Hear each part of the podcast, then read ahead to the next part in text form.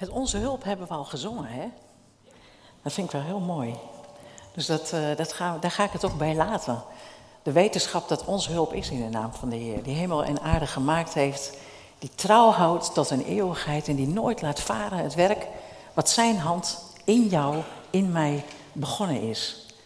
En is het altijd kostbaar om dat tegen jullie te mogen zeggen. Genade zij jullie en vrede in de naam van de Heere God, zijn Zoon en de, en de, de verbinding met die Heilige Geest.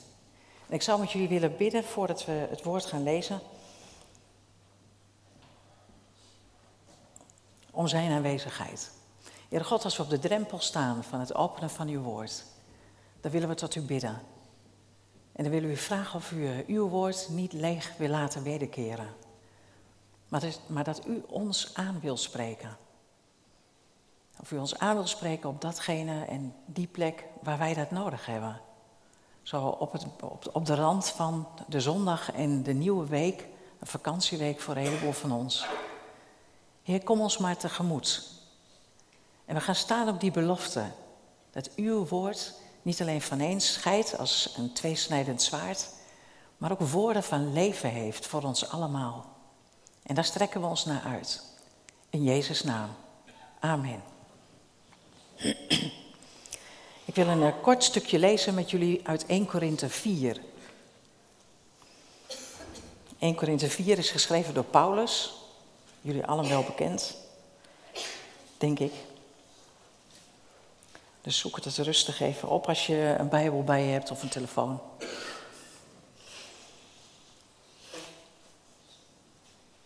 Het is geschreven aan de gemeente in Korinthe. Dat was een hele veelkleurige, veelzijdige gemeente. Er zaten allerlei mensen van, eh, van uh, verschillend pluimage en uh, daar was erg, er was heel veel om in te doen en om te doen in de gemeente van Korinthe. En dan zegt Paulus vanaf vers 1, en het gaat over hemzelf. Men moet ons beschouwen als dienaren van Christus, aan wie het beheer over de geheimen van God is toevertrouwd. Van iemand die deze taak vervult, wordt verlangd dat hij betrouwbaar is.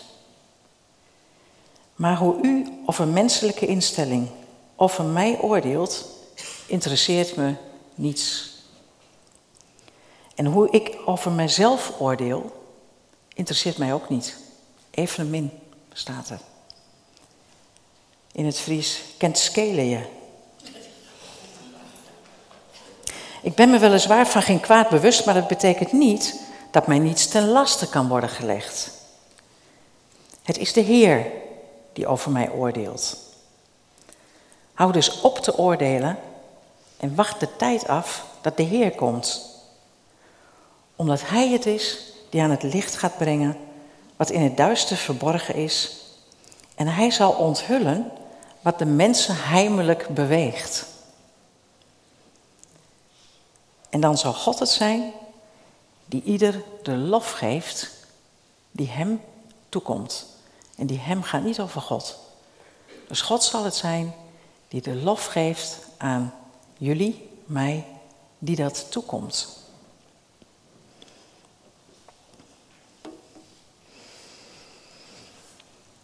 Deze preek staat in het kader van het onderwerp verbinding. Want dat is het onderwerp waar jullie in de gemeente mee bezig zijn op dit moment. En over verbinding valt een heleboel te zeggen. En ik dacht in de voorbereiding, laat ik nou eens gewoon beginnen met te onderzoeken, wat, wat is verbinding nou eigenlijk?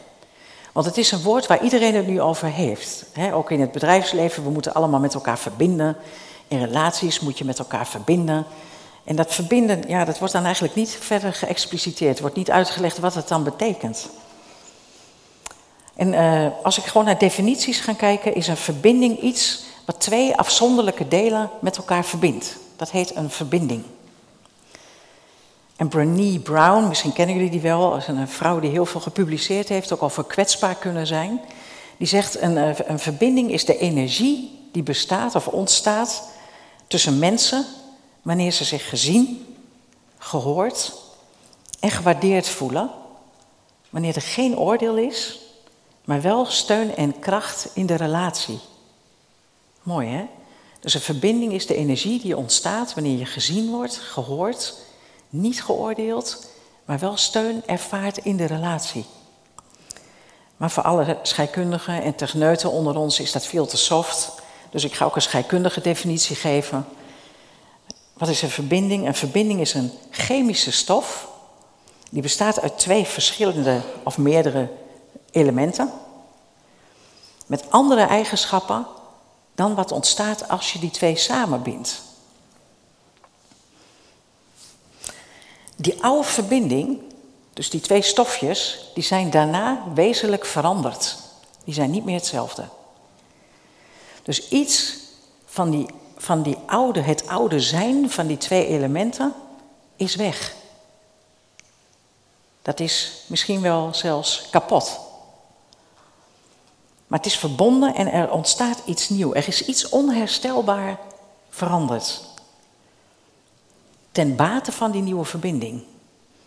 En de echte techneuten en de echte scheikundigen onder ons, die weten dat die verbinding vaak sterker is dan die twee losse dingetjes. Want die verbinding zit juist in dat met elkaar zijn.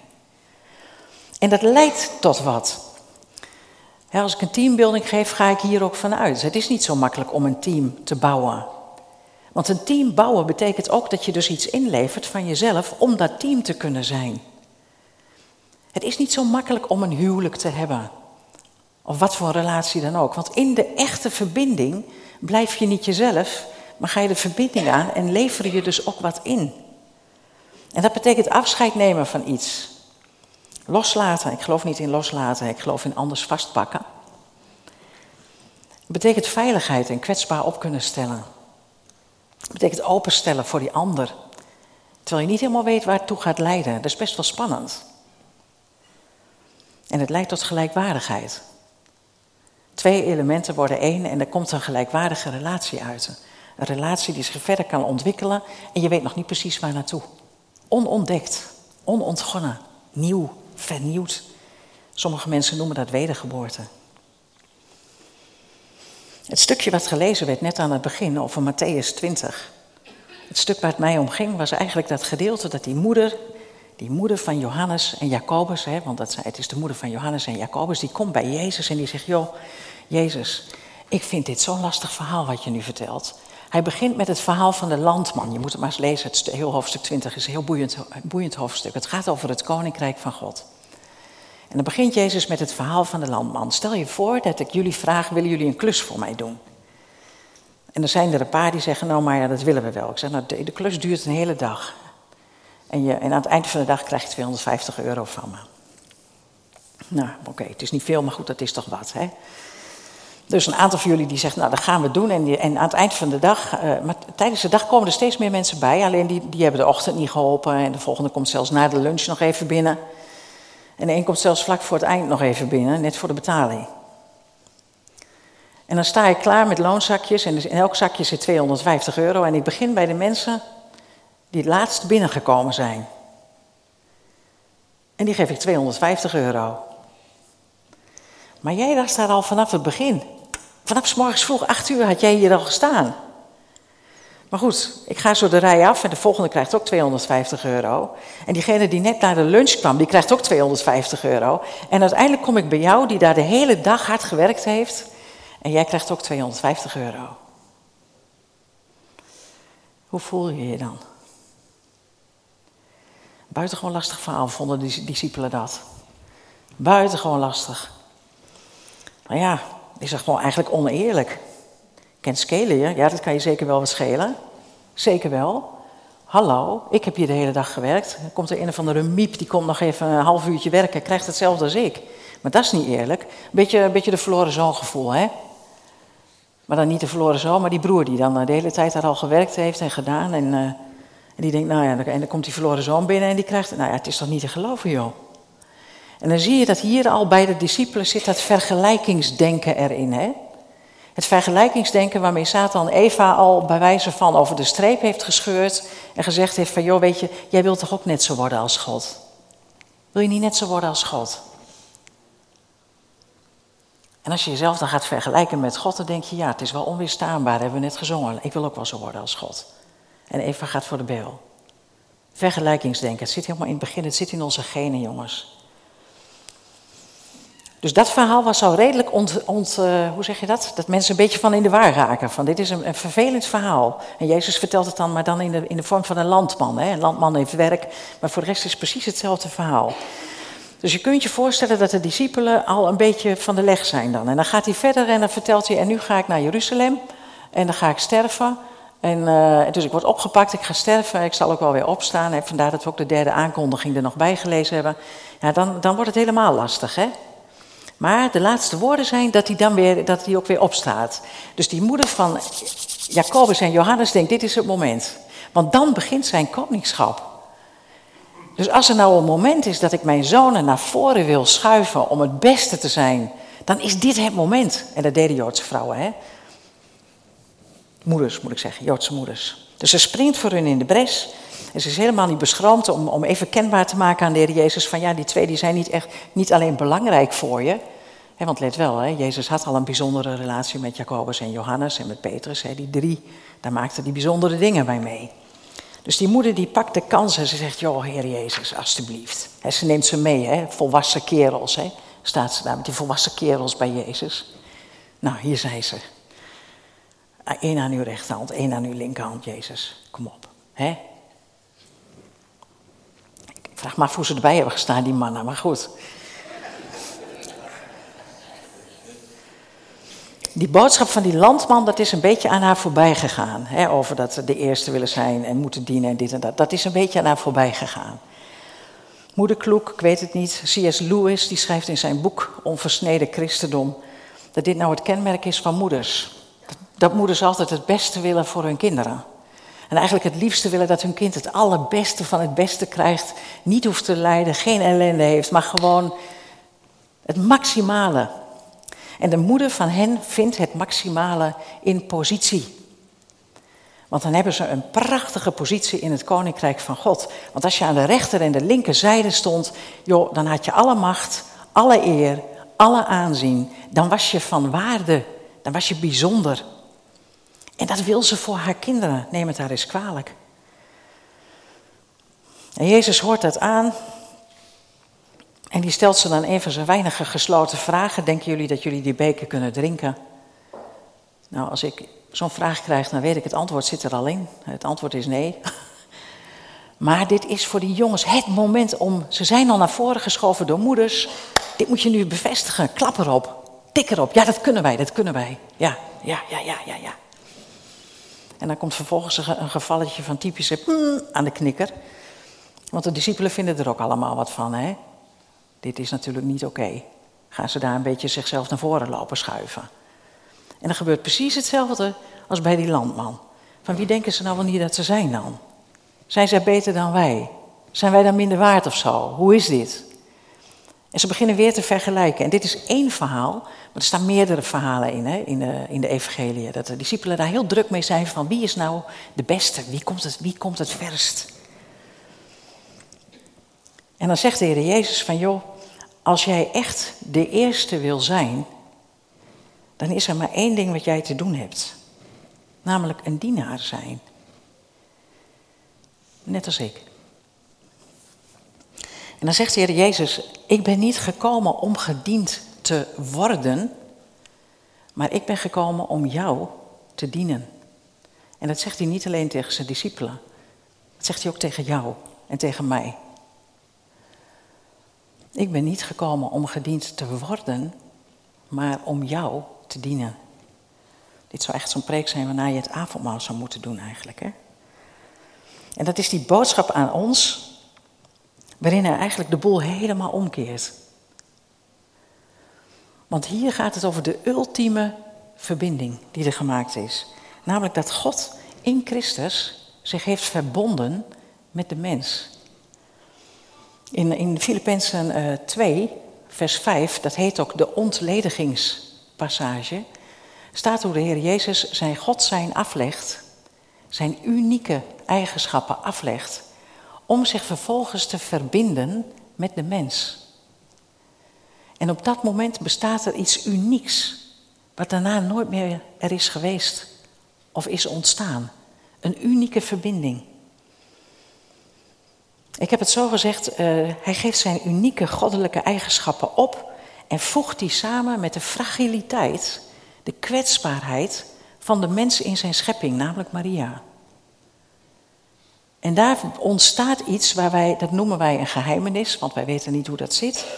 We hebben het er als protestanten ook niet zoveel over. In Roosendaal, waar ik woon, hebben we het daar wat meer over. En dan ontstaat daar de mens-God of de God-mens Jezus.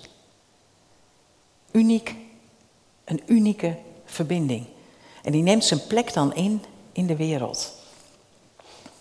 Dan schrijft Paulus daar ook een heel stuk over. Want dat afstand houden, wat de Heer Jezus zegt, dat, dat loslaten, het dingen anders gaan zien, die verbinding aangaan, daar gebruikt Paulus de metafoor van, eh, van de oude mens van. Hè? Je, je, pakt, je hebt een oude mens, die leg je af, en je pakt een nieuwe mens en doet die aan. En wij lezen dat wel, je hoort er ook wel preken over, maar het is eigenlijk best lastig om te snappen. Jezus maakt eigenlijk zijn discipelen hier duidelijk van er is geen plek voor vergelijkingsdenken. Het moet jou niks kunnen schelen wat die ander krijgt. Ja, je mag het hem hooguit gunnen, dat wel. Maar je hoeft je niet te vergelijken met elkaar. Of met wat mensen zeggen of wat er in de wereld gebeurt. De Heer Jezus draait dat om. En dit is zo anders dan hoe wij in elkaar zitten. Want we zijn al vanaf het begin van de aarde bezig om onszelf te profileren, neer te zetten. Ik ben zo'n goede moeder, of ik ben zo'n goede werknemer, of ik ben zo'n fantastische christen, of ik ben zo'n geweldige kerk, of ik ben, noem maar op. En de Heer Jezus zegt hier eigenlijk van, joh, daar is geen plek voor. Maar in Matthäus zien we de discipelen worstelen, want het is oud denken. En het denken is hun eigen. En laten we eerlijk zijn, joh, het denken is ons ook eigen. Wij zijn ook vaak aan het vergelijken met elkaar. Al was het maar in hoe zwaar je bent. En de discipelen zijn ermee bezig, want die willen zo graag hun eigen schaapjes op het droge hebben. Want als jij het maar goed hebt. Het koninkrijk van God leidt tot een nieuwe verbinding. En dat gaat over de grenzen van de oude mens heen. En dat is heel mooi, dat is heel kostbaar. Maar je kunt je wel voorstellen dat mensen hebben gedacht toen Jezus dit soort verhalen ging vertellen: van ja, maar waar leidt dit dan toe? Hoe moet dat dan? Hoe doen we dat dan in de praktijk? Zeg ik, hoef me toch niet te laten piepelen? Moet ik dan een beetje de slaaf of de knecht van iedereen zijn? Moet ik jullie dan allemaal gaan lopen dienen? Nou, dan krijg ik het druk. Dat is toch niet te doen, joh. En je ziet ook christenen die dat proberen, hè? die echt proberen om die ander te gaan dienen. En die krijgen dan een burn-out. Dus ja, dat kan toch ook niet de bedoeling zijn. Dat vergelijkingsdenken, de beste, de grootste, het heiligste, het uitzonderlijkst willen zijn, het zit er heel diep in. En soms denk ik wel eens, het lijkt wel alsof het genetisch is vastgelegd. En als je daarvoor kiest, want je kunt ervoor kiezen, hè? Ik wil het alleen maar bewust maken. Je kunt kiezen voor vergelijkingsdenken. En dan creëert het angst. Want als ik me vergelijk met jou en jij bent beter dan ik, waar laat mij dat dan staan? En als jullie allemaal heiliger zijn dan ik, waar sta ik dan nog? Dus gelukkig kan ik soms denken dat ik heiliger ben dan jullie. Haha! Snap je? Dat, dat, dat spelletje, daar zijn we vaak heel druk mee. Het kost heel veel tijd. We hebben ook allemaal oordelen dan, hè, over jezelf, over de ander. En we kijken van, ja, wat heb ik nou nodig? Hè? We vragen niet wat heeft die ander nodig, maar wat heb ik nou nodig om me beter te voelen? Lastig, lastig om dat los te laten. En voor je het weet, sta je niet naast elkaar, ben je niet meer in verbinding. Dat zeg je wel dat je dat wil, maar eigenlijk sta je tegenover elkaar. En ben je aan het wegen, aan het meten. Menen, menen, tekel, uvasim in het Oude Testament. Gemeten, gewogen, gewogen en te licht bevonden. Maar ja, moet ik me nou verbinden met die ander die zo anders is dan? Die zo anders denkt? Die dingen doet waarvan ik denk, nou dat weet ik niet hoor. Moet ik me verbinden met de mensen die mij niet respecteren, die me niet eren? Moet ik me respecteren met mensen die oordelen over mij hebben? En die me misschien wel onderuit willen schoffelen? Moet ik mij verbinden met mensen die me echt pesten? Want die zijn er dan ook nog, hè? die lopen ook nog rond. En dan noemen wij dat, ja, we hebben nou eenmaal geen chemie. We hebben geen chemie. En in dit kader klopt dat dan ook nog. Je hebt geen, letterlijk geen verbinding met die ander. Dus ja, ze hebben eigenlijk helemaal gelijk. Maar eigenlijk betekent het dat je niet in staat bent om een stukje van jouw eigenheid op te geven ten dienste ter wille van die ander. En toch is dat wel waar de Heere God ons het voorbeeld en geeft in zijn zoon. In hoeverre ben je bereid iets van jouw uniek, uniciteit op te geven ten dienste van die ander. Maar hoe ver gaat het dan, krans? Ik vergelijk het wel eens met een huwelijk waarin je ook die verbinding aangaat. Waarin je toch jezelf blijft, maar ook een verbinding aangaat. Waarin je iets inlevert en meer terugkrijgt als het goed is en als het goed gaat. En als we daar niet op gericht zijn, dan worden wij een beheersgemeente. En beheersgemeentes die zijn er heel veel in Nederland. Dat zijn geen weidekerken. Daar is het uh, wit en zwart en goed en fout. Daar is het, uh, iedereen weet precies hoe het hoort. We weten waar onze verantwoordelijkheden liggen. We weten ook waar die niet ligt. En als je er niet bij past, dan ga je toch gewoon ergens anders naartoe. Helemaal goed. Maar dat is niet wat de Heer Jezus doet. De fariseeën die zouden zich daar wel heel fijn bij hebben gevoeld. Hè? Want die deden dat ook. Die hadden overal regeltjes voor. En als ze nog iets vonden waar nog geen regeltje voor was, bedachten ze die ter plekke nog bij.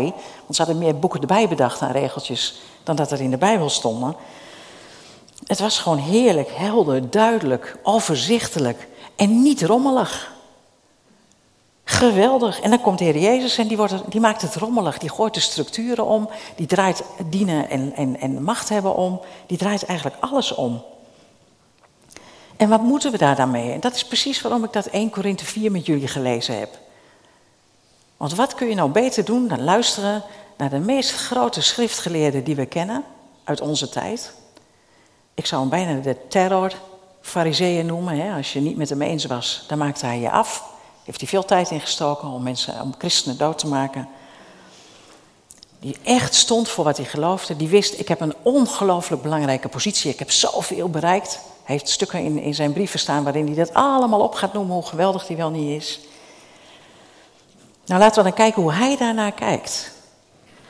Want deze man, deze Paulus, die spreekt nou juist deze woorden. Wat jullie van me vinden, het kan me niet schelen. En wat ik zelf vind van mezelf, kan mij ook niks schelen. Want daar gaat het niet om. Het is niet belangrijk. Dit was de man die met niks anders bezig was dan zijn positie. Hè? Die had gestudeerd aan de voeten van Gamaliel. Dat zegt ons niks meer. Maar dat was in die tijd een hele bekende, ik zou nu zeggen professor emeritus of zo.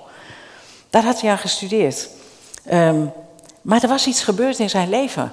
God was een verbinding met hem aangegaan. En jullie kennen misschien het verhaal. Als God die verbinding aangaat, wordt hij zelf blind. Zit hij daar, weet hij het echt niet meer, is hij volledig het boekje zoek. En het duurt ook even voordat, dat weer, voordat hij weer letterlijk zien kan. Dat hij het zicht weer krijgt op alles. En hij was zo bekend als terrorschriftgeleerde dat eigenlijk niemand van de christenen naar hem toe durfde te gaan. Want ze waren als de dood van, ja, ze kunnen wel zeggen dat hij tot bekering is gekomen. Maar straks is het niet zo, joh, rolt mijn kop. Dat, dat was zijn imago wat hij had. En hij is degene die zegt, ergens anders zegt hij, het is voor mij allemaal vuilnis. Het interesseert me niet meer. Het is niet meer het belangrijkste. Hij leert ons eigenlijk wat, wat Christus ons wil leren in dit gedeelte in Matthäus. God heeft zijn zoon toegestaan zichzelf te ontgoddelijken, mag ik het zo zeggen? Moeilijk woord. Uh, en met mensen als wij een verbinding aan te maken en aan te gaan, waardoor er in ons leven iets unieks ontstaat. Dat is niet, niet, ik kan het niet hard genoeg zeggen, dat is niet de verbinding met die ander aangaan. Want als wij heel eerlijk zijn, kunnen we dat niet eens, die verbinding met die ander aangaan. Want zelfs in relaties die we heel kostbaar vinden, zijn we soms nog bezig van ja maar jij en ja maar ik. Maar heb ik dan wel genoeg, krijg ik wel genoeg tijd? Je bent wel met mij getrouwd, en niet met je moeder, tenslotte. En zulke dingen kom ik heel veel tegen in mijn praktijk. Paulus draait het om en hij zegt, joh, we moeten het omdraaien. En gaat daarin mee in de lijn van de Heer Jezus. De echtheid, onze relatie, onze verbinding mag zijn met de Heere God. En die gaat dan dat proces aan met ons waardoor wij veranderen. Dan raak ik misschien een stukje van krans met de grote bek kwijt. Maar er komt iets anders voor in de plek. Misschien net iets meer die verbinding aan kunnen gaan met die ander. En dan noem ik maar even een klein voorbeeld, maar je weet het misschien wel uit je eigen leven. En het gekke is, als ik hier zou vragen gewoon de rijen door van joh, heb jij de Heer leren kennen of heeft de Heer jou leren kennen, afhankelijk van jouw theologie? Dan zullen heel veel mensen hier zeggen ja, ik ben tot bekering gekomen toen en toen. Ik heb de Heer Jezus leren kennen. Hij is mijn redder, hij is mijn zaligmaker. En mijn vraag is dan, en is hij ook jouw dienaar? Mag hij jouw dienaar zijn? Die jou wil dienen? Dat is wat Paulus hier zegt. Ja, maar wij moeten zelf toch allerlei dingen doen. Wij moeten toch zelf leven tot Gods eer. Dat hebben we net ook nog allemaal zitten zingen. Alles is door Hem, alsof alles door Hem ontstaan is en gaat. Hè? We hadden daar vanmorgen nog een gesprekje over. Niet alles is door Hem. We hebben met een andere machthebber te maken. Die heerser is over deze aarde. Niet alles is door Hem, maar alles is wel tot Hem. We mogen alles met God doen en tot Zijn eer doen. Maar uiteindelijk staat hier, gaat het om de eer die God aan ons gaat geven. En dat is niet op basis van wat jij gedaan hebt. Ik kom dat veel tegen in gesprekken, dat mensen zeggen, ja maar joh, ik heb dit gedaan en dat gedaan. Ik ben een ongelooflijk goede vader, ik heb een geweldig huis, ik heb een mooie baan, ik heb dit en dat, bla bla. Ik doe van alles en nog wat in de kerk. De zeven stappen tot een grote heilige gemeente heb ik allemaal doorlopen. Maar ja, het is helemaal goed met mij. Maar wat hier in Korinthe staat, is dat de Heer God zal checken, mag ik het zo zeggen, waarom je de dingen gedaan hebt. Wat jou drijft, staat hier, hè? Jouw drijfveer. En als onze drijfveer is best, beter, geweldig, ik fantastisch en jij wat minder, valt dat allemaal weg, joh. En dat realiseert Paulus zich. Leven tot Gods eer is om de eer die God aan ons gaat geven. En dat is voor ons best een lastige, als ik heel eerlijk ben. Ik ben in mijn leven enorm bezig geweest. Ik ben opgevoed als een goede baptist. Ik bedoel, een goede, ik heb een goede opvoeding, moet ik zeggen, gehad als baptist. En dat betekent dat je geleerd wordt, onder andere van, nou, je hebt talenten gekregen, die moet je uitbuiten. Dus ik ben de helft van mijn leven bezig geweest om alles wat ik had tot eer van God allemaal in te zetten. Zodat hij straks tegen me zou zeggen, goede slaafkrans, Aai over het bolletje, je hebt het goed gedaan. je hebt van die vijf heb je misschien wel 600 gemaakt. Dan word ik wat ouder, dus het lukt me niet meer in energie. Maar het heeft ook mijn leven op de kop gezet om me te realiseren van hé, maar God zegt, ik wil jou dienen in Christus. En wat betekent dat dan? Betekent dat dan alleen maar dat je gered bent en dat je weet dat je een eeuwigheid met God gaat hebben? Of betekent het dat je weet van hé, hey, ik heb een relatie met Christus, met God, en ik ben in een proces eigenlijk continu aan het vernieuwen. Die verbinding die is nog steeds aan het werken. Het is nog niet uitgewerkt, die verbinding met God. En het laatste hoop ik dat dat waar is voor ons. Dat we nog steeds aan het groeien en ontwikkelen zijn. En dan gaan we wel excelleren, maar dan gaan we excelleren in de relatie met God. Want daar gaat het om.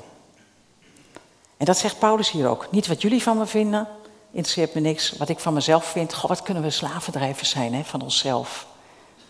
Heb je iets gedaan, dan denk je van jezelf, nou, was, eigenlijk stelt het niks voor, het was weer niks.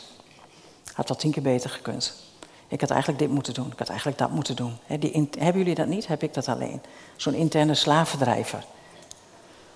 Dat je soms zo verschrikkelijk moe kan worden, gewoon van jezelf, niet eens van je omgeving. En dan probeer je wel boos te worden op de omgeving, maar eigenlijk weet je diep van binnen wel dat je het zelf bent. Nou, dat weet Paulus ook. En die zegt dus ook, wat ik van mezelf vind, doet er ook niks toe. Wat er wel toe doet, is wat God van mij vindt. Wat er wel toe doet, is wat God van jou vindt en van mij vindt. En dan mogen we dus alleen staan. En we blijven staan. Niet omdat we beter zijn dan die ander. dat griezelige liedje, We Can Do Better. Kom op joh, jongens, we zijn gewoon mensen. We zijn niet beter dan een niet-christen. Dan kunnen we afgewezen worden. En we blijven staan. Want Christus is met ons mee afgewezen. En dan mogen we in proces zijn en fouten maken, zoals deze discipelen hier de fout maakten, als je het zo mag zeggen, of het leermoment hadden. Dat ze dachten dat ze zichzelf naar voren konden schuiven. En dat Jezus zegt, dat gaan we niet doen. Maar je mag wel de grootste dienaar worden. Maar wel in mij. De moeder van Ja en Jo heb ik hier staan, van Jacobus en Johannes, die wilde het beste voor haar zonen. Dat willen wij ook voor onze kinderen. Maar het beste is eigenlijk onze kinderen leren om in verbinding met God te leven. Het is niet zo dat als jij christen bent, dat jou niks overkomt. Het is niet zo dat als jij christen bent, dat jouw huwelijk dan altijd goed gaat. Dat je niet ziek wordt, dat je altijd geneest. Het is gewoon niet zo. Maar leer je kinderen om in verbinding met God te leven. En ze weten van, hé, hey, ik heb een God en die wil mij dienen. En die wil het beste voor mij. En hoe het er dan uitziet, dat proces ga je ondertussen aan. Weet je, als wij hier op aarde leven vanuit de gedachte van, nou weet je, we leven hier ongeveer 80 jaar, misschien als we heel positief zijn 90 jaar. Dan wil je misschien een soort legacy opbouwen voor jezelf hier op aarde. Dan wil je boeken schrijven. Hè? Of je wilt een standbeeld. Of je wil genoemd worden in Wikipedia, weet ik veel wat je wil. Maar als we ons realiseren dat we een eeuwigheid hebben met God, dan gaan we toch, denk ik, ik wel in ieder geval met andere stenen bouwen. Want dan gaan we bouwen in relatie met Hem en kijken wat we dan kunnen betekenen voor elkaar.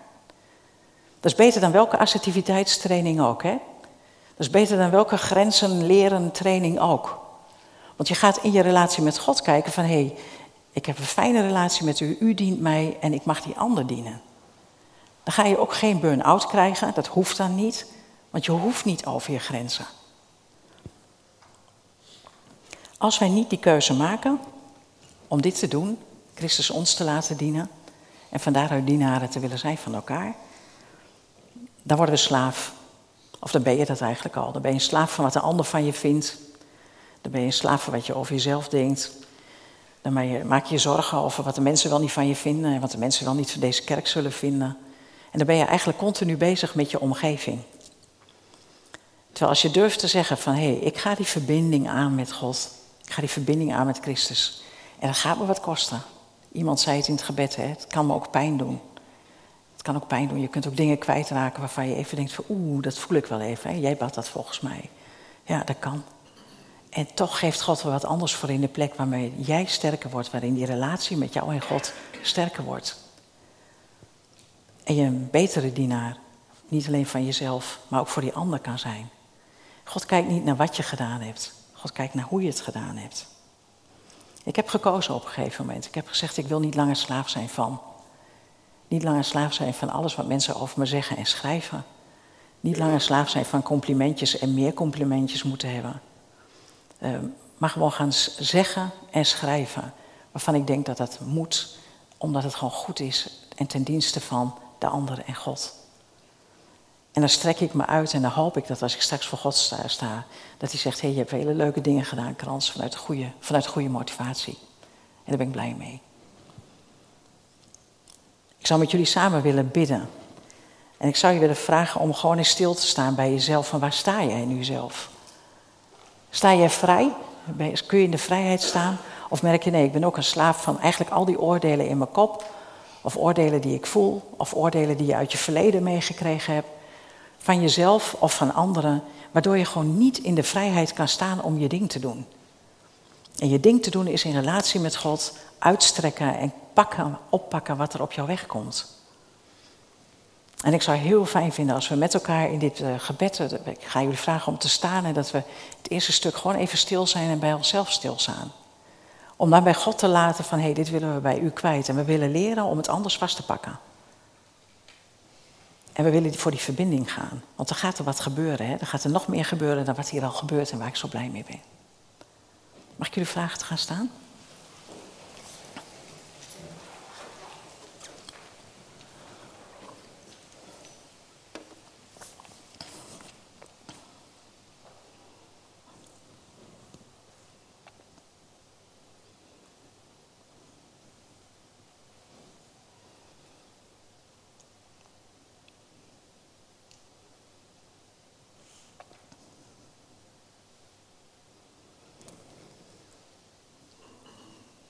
Kostbaar, dat u met uw Heilige Geest gewoon in ons woont.